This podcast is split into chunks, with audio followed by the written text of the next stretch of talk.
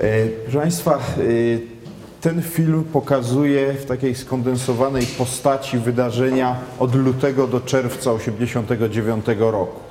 Jest jakby taką, byśmy z podręcznika historii wyci- wyciągnęli e, kilkanaście kartek czy kilkadziesiąt kartek, no ale to nie jest ani początek, ani koniec tego podręcznika.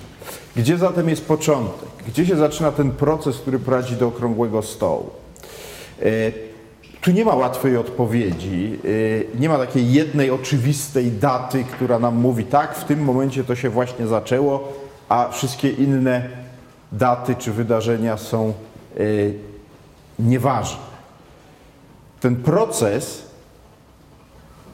w istocie rzeczy agonii realnego socjalizmu, zwanego też często systemem komunistycznym, był rozciągnięty na dziesięciolecia. Tak naprawdę on się zaczął po śmierci Stalina w 1953 roku, tylko że wtedy tego zauważyli to głównie więźniowie polityczni, których zwolniono z więzień, no to taki zwykły obywatel, Polak, Czech, Rosjanin tak wiele nie zauważył. Natomiast później, w miarę upływu kolejnych dziesięcioleci, było widać, że ten system się coraz bardziej wyczerpuje. Wyczerpuje swoje możliwości rozwojowe. Oczywiście próbowano go na różne sposoby reanimować. Na przykład w Polsce w latach 70. próbowano go reanimować przy pomocy zachodnich kredytów. To była epoka lat 70., epoka rządów Edwarda Gierka, epoka, w której Polska przy pomocy pokaźnych na ówczesne czasy kredytów z zachodu wykonała potężny krok naprzód.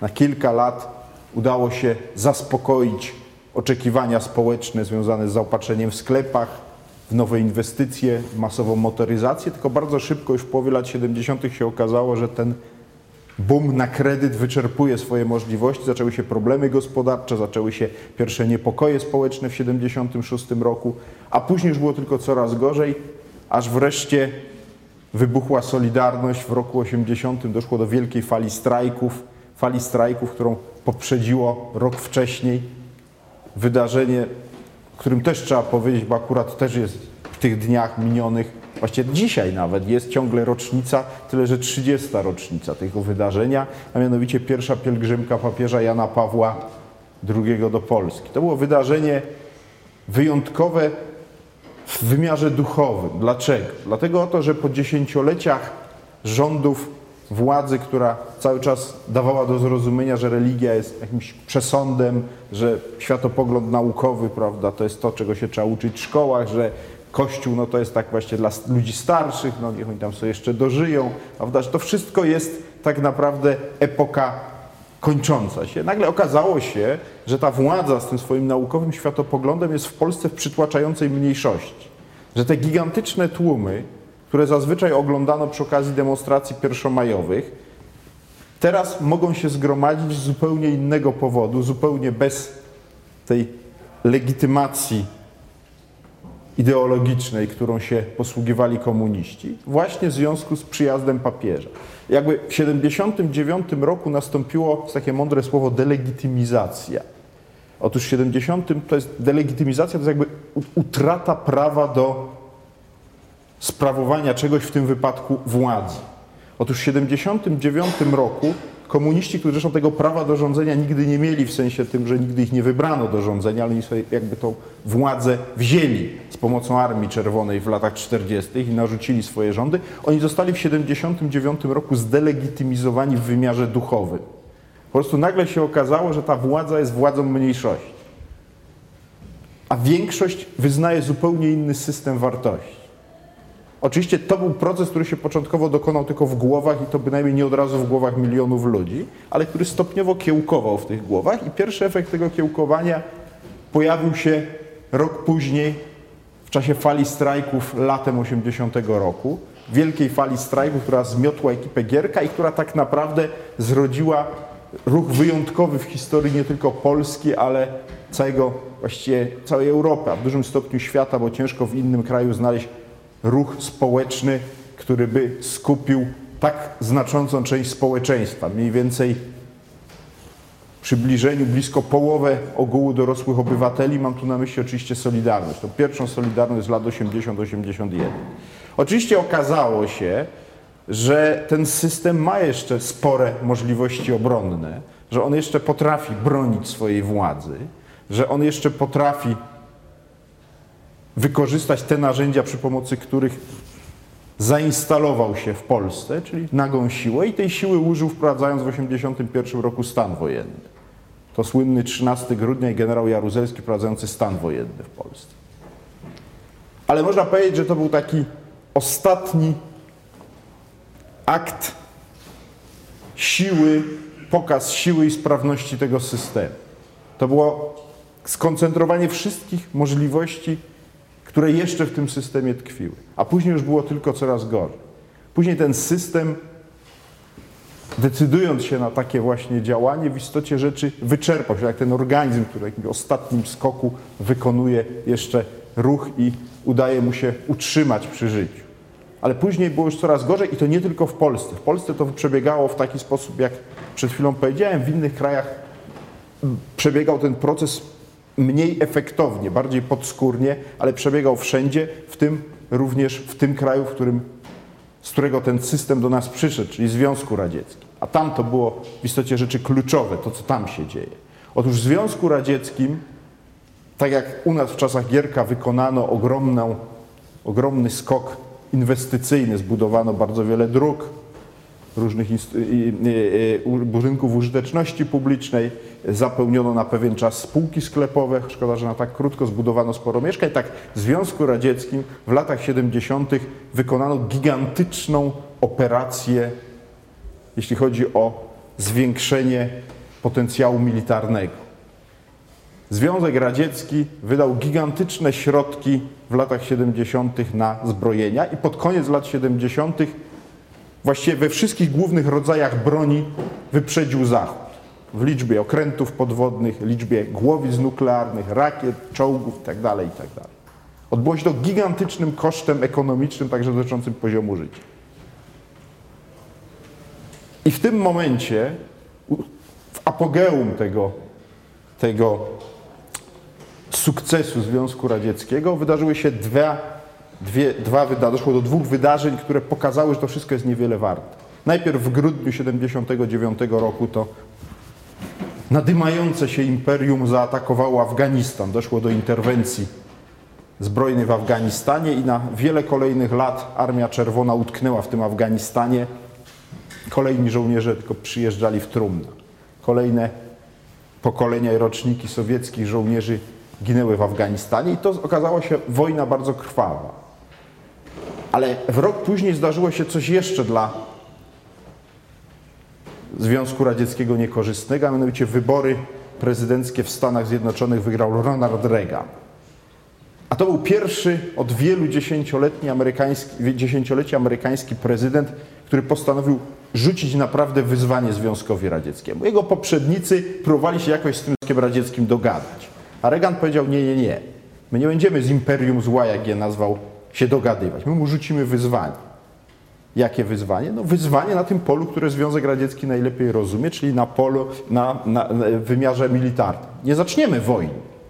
Zaczniemy wyścig zbrojeń taki, którego Związek Radziecki nie wytrzyma. I dokładnie to właśnie Reagan zrobił. Stany Zjednoczone wykorzystały całą swoją potęgę gospodarczą po to, żeby w ciągu kilku lat podwoić wydatki na zbrojenie. I nagle się okazało, że to, co Związek Radziecki w latach 70. gigantycznym wysiłkiem osiągnął, topnieje z roku na rok. Okazało się, że jeszcze 2-3 lata i ta przewaga już przestanie istnieć. Kolejni przywódcy Związku Radzieckiego, umierający Breżniew, dwóch jego następców, kompletnie nie wiedzieli, co z tym zrobić. Natomiast w 1985 roku, po śmierci kolejnego z tych wiekowych przywódców Związku Radzieckiego, Nowym przywódcą został Michał Gorbaczow, który między innymi tym się różnił od swoich poprzedników, że był o całe pokolenie młodszy.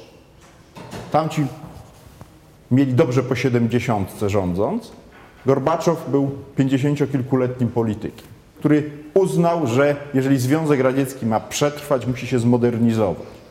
Jeżeli Związek Radziecki ma rzucić, czy podołać temu wyzwaniu, które rzucił Reagan, musi się wycofać z Afganistanu, musi zacząć modernizować system polityczny, musi także zrewidować dotychczasowy sposób relacji z krajami Europy Środkowo-Wschodniej, tymi, które podbił Stalin.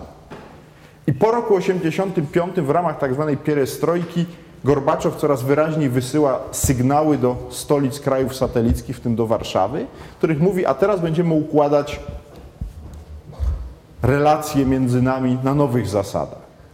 Już nie będzie takiego dyrygowania jak dotąd. Teraz macie większą swobodę, eksperymentujcie, szukajcie nowych rozwiązań. Jak coś wymyślicie w ramach tej gospodarki socjalistycznej efektownego, to, e, e, to, to my też z tego skorzystamy. Oczywiście część przywódców komunistycznych w tych krajach satelickich traktuje to jako w istocie rzeczy herezję. Prawda? Honecker w NRD, Żywko w Bułgarii, oni z obrzydzeniem patrzą na Gorbaczowa. Nieco inaczej jest z generałem Jaruzelskim. Dlaczego? Jaruzelski też nie jest przekonany do tego nowinkarstwa Gorbaczowa, ale jednak Jaruzelski ma odmienną sytuację niż Żywkow czy Honecker. Otóż w latach 80., po tym sukcesie, jakim z punktu widzenia Jaruzelskiego było wprowadzenie stanu wojennego, Jaruzelski proklamował reformy gospodarcze. Powiedział, że Solidarność przeszkadzała w reformowaniu gospodarki, dlatego musiała być odsunięta, no i mijał rok za rokiem, rok za rokiem i te reformy nie dawały efektu. I w drugiej połowie lat 80., właśnie w tym czasie, kiedy nastał Gorbaczow, w nastrojach społecznych, do których wyników Jaruzelski był bardzo przywiązany, to był pierwszy polski przywódca komunistyczny, który się wczytywał w wyniki badań socjologicznych, nagle się okazało, że te nastroje się zaczynają pogarszać. Że z miesiąca na miesiąc, kwartału na kwartał coraz więcej osób deklaruje, że im się nie podoba sytuacja gospodarcza i polityczna. A to oznaczało, że może w bliżej nieokreślonej perspektywie czasu, ale nie za 10 czy 20 lat, tylko za lat kilka, może nawet za rok czy dwa, dojść do czegoś, co w Polsce już się działo wielokrotnie, a ostatnio w roku 80. Do kolejnego wybuchu niezadowolenia społecznego, strajków, demonstracji. Tego Jaruzelski się strasznie obawia. Stąd zaczął zastanawiać się nad różnymi rozwiązaniami, których istota sprawdzałaby się do tego, żeby zachować dalej władzę, ale równocześnie zmienić jej wizerunek poprzez dokooptowanie do obozu władzy różnych ludzi, którzy dotąd byli w jakiejś tam opozycji. I tu się zaczął pewien proces, który ciągnął się bardzo długo, bo ten generał się decydował, później zmieniał zdanie, później się rozmyślał i tak dotrwał do roku 88, kiedy to, co pokazywały sondaże socjologiczne, zaczęło się zmieniać już w pewną rzeczywistość. A mianowicie najpierw wiosną 88 roku, a później latem 88 roku doszło do dwóch fal strajków. One nie były wielkie, nieporównanie słabsze niż te z roku 80, ale jednak po pierwsze ta letnia była silniejsza niż wiosenna, czyli była ta tendencja znosząca, a po trzecie, po drugie, nie było jasne, co może być dalej. To znaczy, że po tej drugiej fali strajku może być jeszcze kolejna i jeszcze kolejna, a któraś będzie tak silna, że zmiecie generała Jaruzelskiego. I w tym momencie Jaruzelski się zdecydował przełamać. Zdecydował się na to, co przez lata absolutnie było z jego punktu widzenia nie do przyjęcia, a mianowicie zdecydował się wysłać swojego najbliższego współpracownika, czy jednego z najbliższych współpracowników, którego tu widzieliśmy na filmie, generała Kiszczaka do Lecha Wałęsy do Wałęsy, przywódcy tej Solidarności, która była zdelegalizowana w stanie wojennym, która, a sam Wałęsa miał być osobą prywatną. I to był początek procesu, który doprowadził do obrad Okrągłego Stołu. Przez szereg miesięcy, jesienią 1988 roku, trwały zakulisowe negocjacje co do tego, co właściwie przy tym Okrągłym Stole będzie rozstrzygane, jakie sprawy, kto tam będzie mógł brać udział, kto nie. To trwało przez wiele miesięcy i rzeczywiście było, ponieważ obie strony sobie kompletnie nie ufały. Tu bardzo ważną rolę jako pośrednik odegrali przedstawiciele kościoła, kilku duchownych oddelegowanych przez prymasa Glempa było pośrednikami w tych rozmowach i w końcu udało się zacząć rozmowę okrągłego stołu. Te rozmowy, które budzą do dziś takie ogromne emocje, skrajne opinie, od entuzjazmu po po, po, skrajne potępienie. Od mówienia, że to cud, potwierdzenie, że to targowica.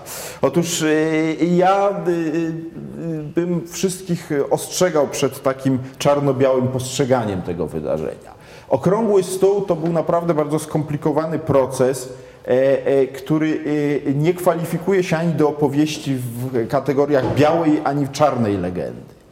Otóż czym był tak naprawdę okrągły stół? Otóż na okrągły stół trzeba patrzeć, choć przy nim nie ma stron i taka była idea, że to jest okrągły stoł, przy którym stron nie ma, no ale widzieliśmy Henryka Wójca, który mówił, tak gdzie się kończyła ta strona ich, a, a gdzie się nasza zaczynała, prawda? Czyli tak naprawdę przy tym stole były strony. Każda z tych stron miała zupełnie inne intencje. Strona solidarnościowa nie myślała jeszcze o tym, co się później wydarzyło. Nie myślała o wolnej Polsce, o demokracji, o niepodległości. Myślała tylko o tym, żeby poszerzyć przestrzeń wolności, żeby tej władzy dyktatorskiej wydrzeć co się da, to znaczy jakiś dostęp do mediów, oczywiście legalizację Solidarności przede wszystkim, ale jakiś dostęp do mediów, jakąś zgodę na jakąś gazetę, jakiś dostęp do radia, do telewizji, jakieś miejsce w parlamencie, żeby można było protestować przeciwko łamaniu praw człowieka, ale jakby przy okrągłym stole było oczywiste, że dalej Polską będą rządzić komuniści, tylko że system będzie liberalniejszy. Natomiast o co chodziło komunistom? Komunistom chodziło o to,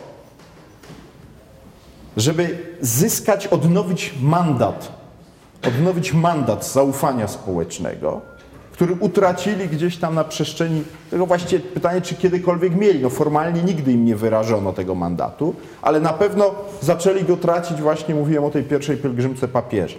A później już było tylko coraz gorzej. Im oni sobie zdawali sprawę, że jeżeli chcą dalej rządzić bez coraz większych protestów społecznych, muszą być jakoś uwiarygodnieni. Teraz Jaka była istota tej koncepcji przy okrągłym stole? Otóż taka oto, że zostanie utworzony nowy urząd, którego w Polsce nie było od 1952 roku, urząd prezydenta.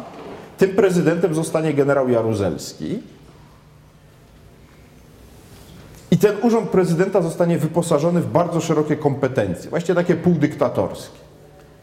To można było konstytucję zmienić. Komuniści mieli większość w Sejmie, ale rzecz polegała na tym, że ten proces miał być wiarygodny społecznie. Żeby on był wiarygodny społecznie, to musiała go zaakceptować Solidarność i strona kościelna, i Kościół. I w istocie rzeczy targ przy okrągłym stole, mówiąc ściślej w Magdalence, w tym legendarnym ośrodku Ministerstwa Spraw Wewnętrznych, gdzie te najtrudniejsze sprawy rozstrzygano, sprowadzał się do tego, co Solidarność ma dostać w zamian za to, że się zgodzi na ten wariant z prezydentem. Na to przeniesienie centrum władzy z partii komunistycznej, która była już skompromitowana i której reanimację rychłom nie wierzono, do urzędu prezydenta.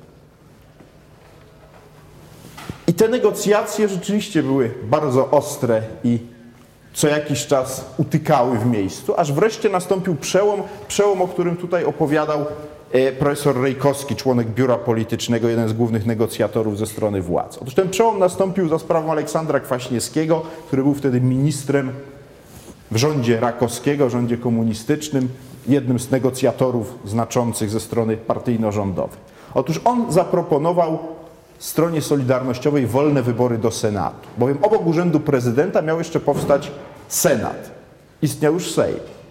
Pierwotnie miano podzielić z góry mandaty, ile dostanie obóz rządzący, ile opozycja, i do Sejmu, i do Senatu. Przełom polegał na tym, że Kwaśniewski powiedział, nie, nie, to do Sejmu nie będziemy w ogóle ustalać, ile kto dostanie, do Senatu nie będziemy ustalać, e, ile kto dostanie mandatów, tylko po prostu będą całkowicie wolne wybory. I to, proszę Państwa, był ten punkt przełomowy, był precedens. Oto w systemie niedemokratycznym, w systemie autorytarnym, nagle miała powstać w systemie, w którym od pół wieku już prawie nie było żadnych wolnych wyborów, nagle miało powstać jakiekolwiek ciało reprezentujące społeczeństwo pochodzące z wolnych wyborów. I tego się delegacja solidarnościowa uczepiła i tego już nie odpuściła. I to się okazało fundamentalnym błędem władz. Dlaczego oni się na to zgodzili? No trochę tutaj niektórzy na filmie mówili. Otóż dlatego, że oni nie zakładali nigdy, że przegrają te wybory w takiej skali, w jakiej przegrali. Oni zakładali, że Solidarność może wygrać, ale na poziomie powiedzmy 60%, prawda? a 40% będziemy mieli my w Senacie. A Senat to miał być tylko 100 senatorów.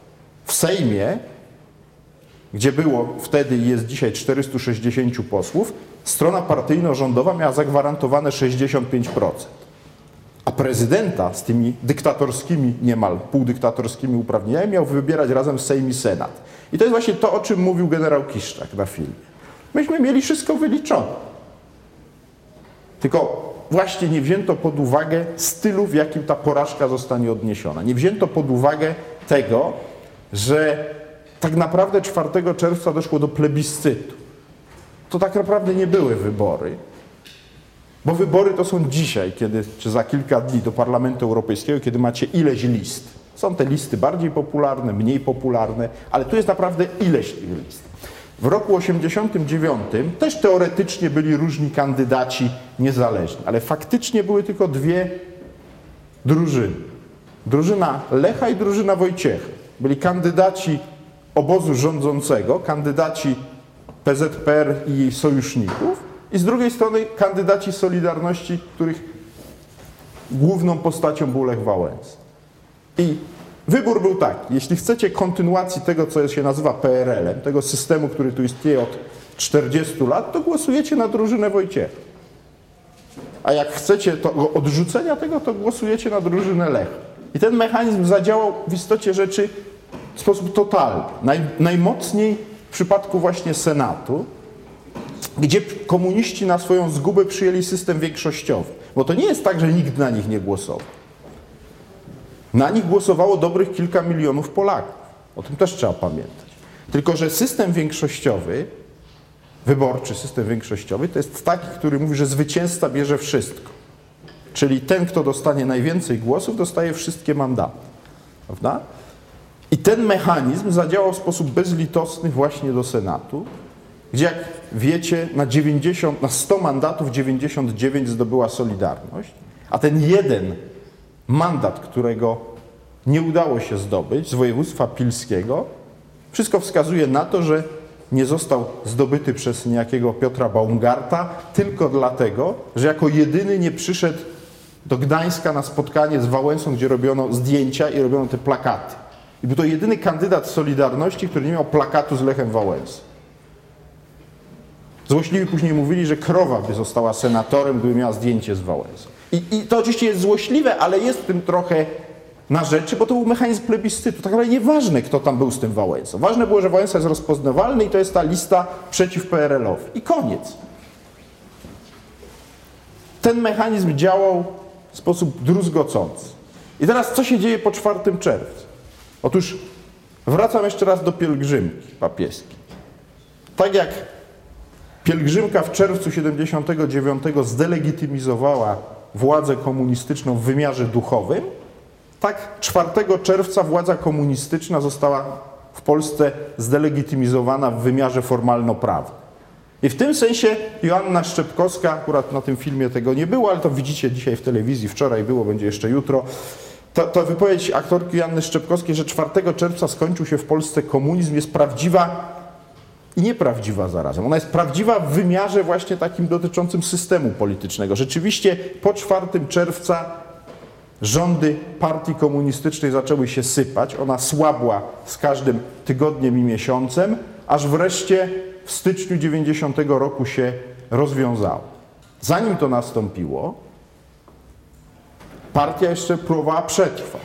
Generał Jaruzelski zaraz po 4 czerwca zaczął robić wszystko, żeby go wybrano na prezydenta. Całe jego zaplecze właśnie w wybraniu Jaruzelskiego na prezydenta upatrywała ostatniego koła ratunkowego. Przez miesiąc trwały zabiegi mające na celu doprowadzenie do zbudowania w Zgromadzeniu Narodowym większości pozwalającej wybrać Jaruzelskiego na prezydenta. Dlaczego? Dlatego, że siła rażenia wyników wyborów 4 czerwca była tak wielka, że w tych partiach sojuszniczych PZPR, w partii chłopskiej, czyli Zjednoczonym Stronnictwie Ludowym, Stronnictwie Demokratycznym, to były dwie partie obok PZPR legalne w PRL-u, które mogły działać, zaczęto się buntować przeciwko dotychczasowej koalicji z PZPR. I część parlamentarzystów, część posłów ZSL-SD mówiła, my nie będziemy głosować na Jaruzelskiego, my nie chcemy takiego prezydenta. Nagle się okazało, że dla Jaruzelskiego nie ma większości w Zgromadzeniu Narodowym. I w tym momencie zaczął się cały zakulisowy proces, w którym się zaangażowali również możni tego świata, łącznie ze Stanami Zjednoczonymi. E, I dziś wiemy już dokładnie, że e, amerykańska dyplomacja w dużym stopniu umożliwiła wybór Jaruzelskiego. W jaki sposób? A mianowicie poprzez rozmowy z niektórymi parlamentarzystami Solidarności, poprzez namawianie ich żeby zagłosowali na Jaruzelskiego. Ale zapytacie po co, ale dlaczego Amerykanie? No jeszcze Rosjanie to byłoby zrozumiałe. Dlaczego Amerykanie zabiegali o wybór Jaruzelskiego na prezydenta? Otóż dlatego, że rozumowanie Amerykanów było takie. Jeżeli Jaruzelski nie zostanie prezydentem, to proces demokratyzacji w Polsce się załamie, dojdzie do jakiegoś nowego stanu wojennego, a to doprowadzi do upadku Gorbaczowa, ponieważ Gorbaczow zapoczątkował proces, który umożliwił zmiany w Polsce. I po to, żeby chronić Gorbaczowa, Amerykanie uznali, że trzeba wybrać Jaruzelskiego na prezydenta. Czy mieli rację? Moim zdaniem nie, ale to nie jest istotne, bo to jest nierozstrzygalne. Istotne jest, że tak wtedy zadziałali i 19 lipca 1989 roku, w półtora miesiąca po wyborach czerwcowych, Jaruzelski, startując jako jedyny kandydat na posiedzeniu Zgromadzenia Narodowego, został wybrany na prezydenta większością jednego głosu. I ten jeden głos to był głos senatora Bernatowicza, jedynego parlamentarzysty Solidarności, który wprost zagłosował na Jaruzelskiego. Ale kilkunastu innych parlamentarzystów Solidarności albo oddało głosy nieważne, albo w ogóle nie wzięło udziału w posiedzeniu Zgromadzenia Narodowego, w praktyce umożliwiając w ten sposób wybór Jaruzelskiego na prezydenta. Ale co to oznaczało? Że z jednej strony Jaruzelski zostaje prezydentem, ma te ogromne uprawnienia konstytucyjne wynegocjowane przy okrągłym stole, a z drugiej strony wszyscy widzieli, bo głosowanie było imienne, a więc dokładnie wiadomo, jak który poseł i senator głosował. To było jawne głosowanie. Otóż wszyscy widzieli, kto tego Jaruzelskiego wybrał na prezydenta, że wybrała go dotychczasowa opozycja solidarnościowa. To było moim zdaniem klasyczne Klasyczny przykład tego, co się nazywa pyrrusowym zwycięstwem. Jaruzelski wygrał, ale w istocie rzeczy kręgosłup miał już przetrącony. Jeszcze próbował zrobić generała Kiszczaka premierem, ale okazało się, że już w tych partiach ZSL i SD nie ma absolutnie zgody na rząd koalicyjny z Kiszczakiem jako premierem. I w tym momencie otworzyła się droga dla chyba najważniejszego posunięcia w karierze politycznej Lecha Wałęsy. Lech Wałęsa na początku sierpnia zaproponował tym dotychczasowym satelickim sojusznikom PZPR, czyli ZSL i SD, nową koalicję. No skoro budujemy demokrację, to przecież wy nie jesteście sznurkiem przywiązani do PZPR, możecie zrobić teraz koalicję z nami. No w demokracji parlamentarnej takie rzeczy się dzieją, prawda, że jakaś partia przechodzi z koalicji i tworzy inną. No?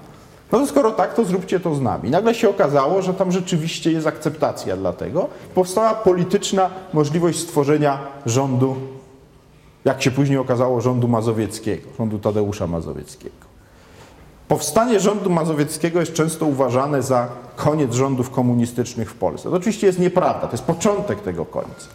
Dlatego, że w momencie, w którym Mazowiecki tworzy swój rząd, tylko połowa ministrów w tym rządzie, a więc 12 na 24, to są ludzie z obozu solidarnościowego. Pozostała dwunastka to są ludzie mniej lub bardziej związani z obozem dotąd rządzącym. To są ci właśnie przedstawiciele stronnictw sojuszniczych, ale także generałowie Kiszczak i Siwicki, a więc dotychczasowi współpracownicy Jaruzelskiego. Dlaczego? No bo w tym czasie nie ma Nikt sobie nie wyobraża, żeby do Ministerstwa Obrony Narodowej czy Ministerstwa Spraw Wewnętrznych mógł wejść ktoś z opozycji solidarnościowej, bo są to resorty w 100% unione.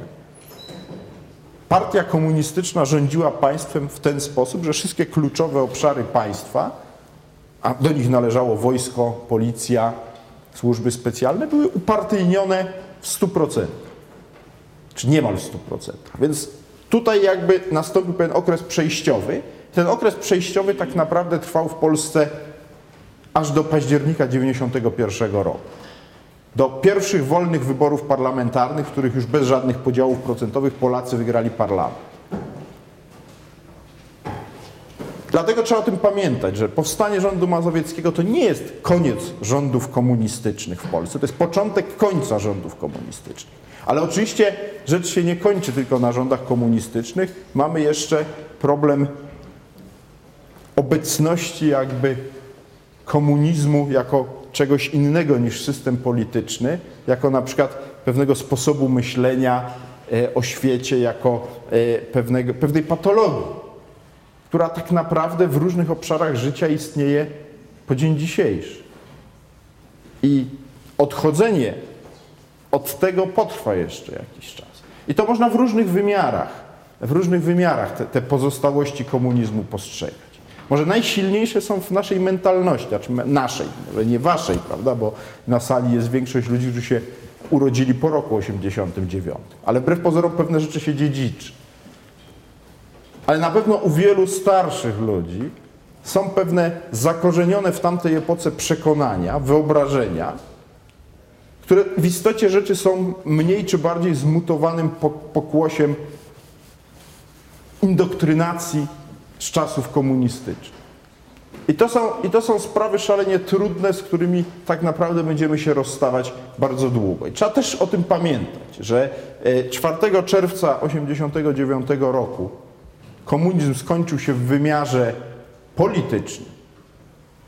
Wkrótce potem, dzięki przemianom planowi Balcerowicza, zaczął się kończyć w wymiarze gospodarczym. Ale najdłużej, najdłużej i najtrudniej będzie się kończył właśnie w wymiarze psychologicznym, duchowym. To jest w istocie rzeczy to, to, to, to naj, ten najdłuższy cień tamtego systemu, który gdzieś tam e, e, zapadł głęboko w duszach i w umysłach e, bardzo wielu Polaków i z nim się będzie szalenie trudno nam rozstać. I to tyle. Dziękuję bardzo.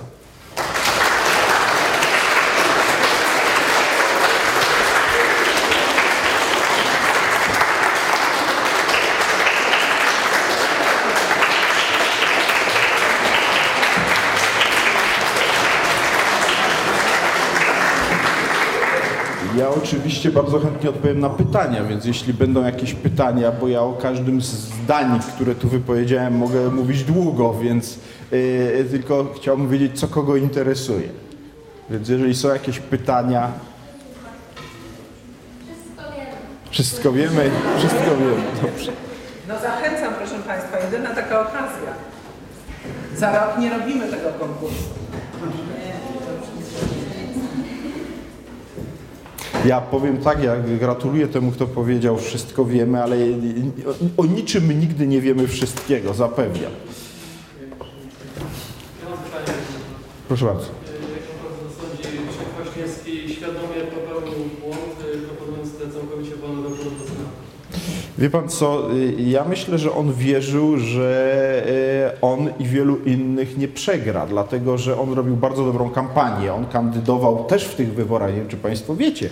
Aleksander Kwaśniewski nie jest tylko politykiem, który zawsze wygrywał. W czerwcu 1989 roku Kwaśniewski przegrał wybory na senatora w województwie koszalińskim, ale miał bardzo dobrą kampanię i miał z kandydatów, że tak powiem, obozu rządzącego jeden z najlepszych wyników. Ale o co to by Kwaśniewskiego zapytać. Ja sobie wyobrażam, jego sposób myślenia był taki. Kończy się dotychczasowa faza komunizmu, prawda? Teraz będzie albo jeśli nie demokracja, to jakaś nowa wersja. I w tej nowej wersji ustroju powinni zaistnieć nowi ludzie. On chciał zrobić karierę w ramach tamtego systemu i zaczął ją robić. Coraz bardziej mu uwierał generał Jaruzelski, różni starzy towarzysze za generałem Jaruzelskim, którzy byli od niego 20 i więcej lat starsi i którzy gadali innym językiem niż, niż, niż Kwaśniewski, którzy ubierali się inaczej niż Kwaśniewski, którzy byli w ogóle z innej epoki. Bo my często patrzymy tak ja to też w tym wykładzie Państwu przedstawiłem, bo niestety on wymaga uproszczeń, że jest jakiś mityczny obóz władzy, który jest takim monolitem i tam wszyscy myślą tak samo, rozumują tak samo. Nie. Wewnątrz tego obozu trwała bezlitosna walka o przywileje, o wpływy, no i wreszcie o władzę. Prawda? Otóż Kwaśniewski, jak się wydaje, proponując te wolne wybory do Senatu, rozumiał tak, my ich nie przegramy, ale my to znaczy to moje pokolenie ludzi aparatu, a tych starych dziadów to się szybciej pozbędziemy dzięki temu. Czyli mówiąc krótko, Kwaśniewski prowadził swoją własną grę. On nie chciał wtedy jeszcze, jak sądzę, Polski demokracji, de, Polski demokratycznej, Polski, Polski wolnorynkowej e, w takiej postaci, w jakiej ją mamy dzisiaj. Natomiast on nie chciał też tego dotychczasowego systemu, który mu się wydawał nieefektywny, strupieszały, no i właśnie taki naftaliną pachnący z tym generałem, który już się zmęczył. Prawda? No więc czas otworzyć dla młodych drogę. No więc stąd e, ta jego propozycja. Natomiast sam fakt, że mógł taką propozycję złożyć bez konsultacji z Jaruzelskim i wygląda na to, że to jest prawda, bo Jaruzelski konsekwentnie twierdzi, że to była samodzielna inicjatywa Kwaśniewskiego. I to, że Kwaśniewskiego natychmiast potem nie przywołano do porządku, nie wyrzucono i tak dalej, pokazuje, jakim stopniu ten obóz władzy był już roz... Jest takie paskudne słowo, ale nie przychodzi mi rozwibrowany. Znaczy jak rozedrgany, jak tam się wszystko w tym systemie trzeszczało i rozpadało. A przecież nie Kwaśniewski był takim głównym rozrabiaką. Głównym rozrabiaką, w cudzysłowie, był Alfred Miodowicz, lider prorządowych związków zawodowych OPZZ-u, który na otwarciu obrad Okrągłego Stołu powiedział, że on tu się domaga wolnych wyborów, nie żadnych procentów i zniesienia cenzury. Dlaczego on to robił? Dlatego, że on już wiedział, że tamten system się kończy i grał na nowe rozdania. No, mu nic nie dało, bo on, historia o nim szybko zapomniała po roku 89. Ale wiosną 89 Miodowicz walczył o swoją pozycję polityczną, o to w istocie rzeczy, czy on przypadkiem nie będzie tym, który przejmie spadek po Jaruzelskim. On o to walczył. Stąd y, było takich wielu innych, prawda? Był Kwaśniewski, był Rakowski. Y, zatem tutaj różni ludzie różne gry prowadzili i w tym kontekście trzeba patrzeć na tą inicjatywę Kwaśniewskiego, ale historycznie bardzo ważną i to w historii zostanie. W historii Kwaśniewskiego zostanie to, że był dwa razy prezydentem wybranym w wolnych wyborach, w tym za drugim razem w pierwszej turze. I zostanie jako punkt drugi właśnie to, że był tym, który wyszedł z inicjatywą wolnych wyborów do Senatu w roku 89. To są dwa najważniejsze wydarzenia w biografii Kwaśniewskiego, no przynajmniej dotychczasowej. Czy ktoś z Państwa jeszcze chciałby o coś zapytać?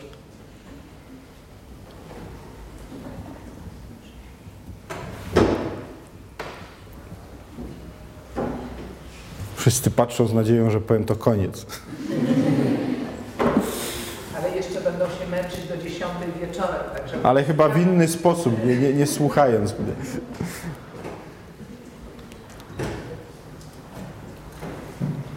Na pewno? Nie ma żadnych pytań. Wszystko jasne. Ok. Dziękuję Państwu bardzo.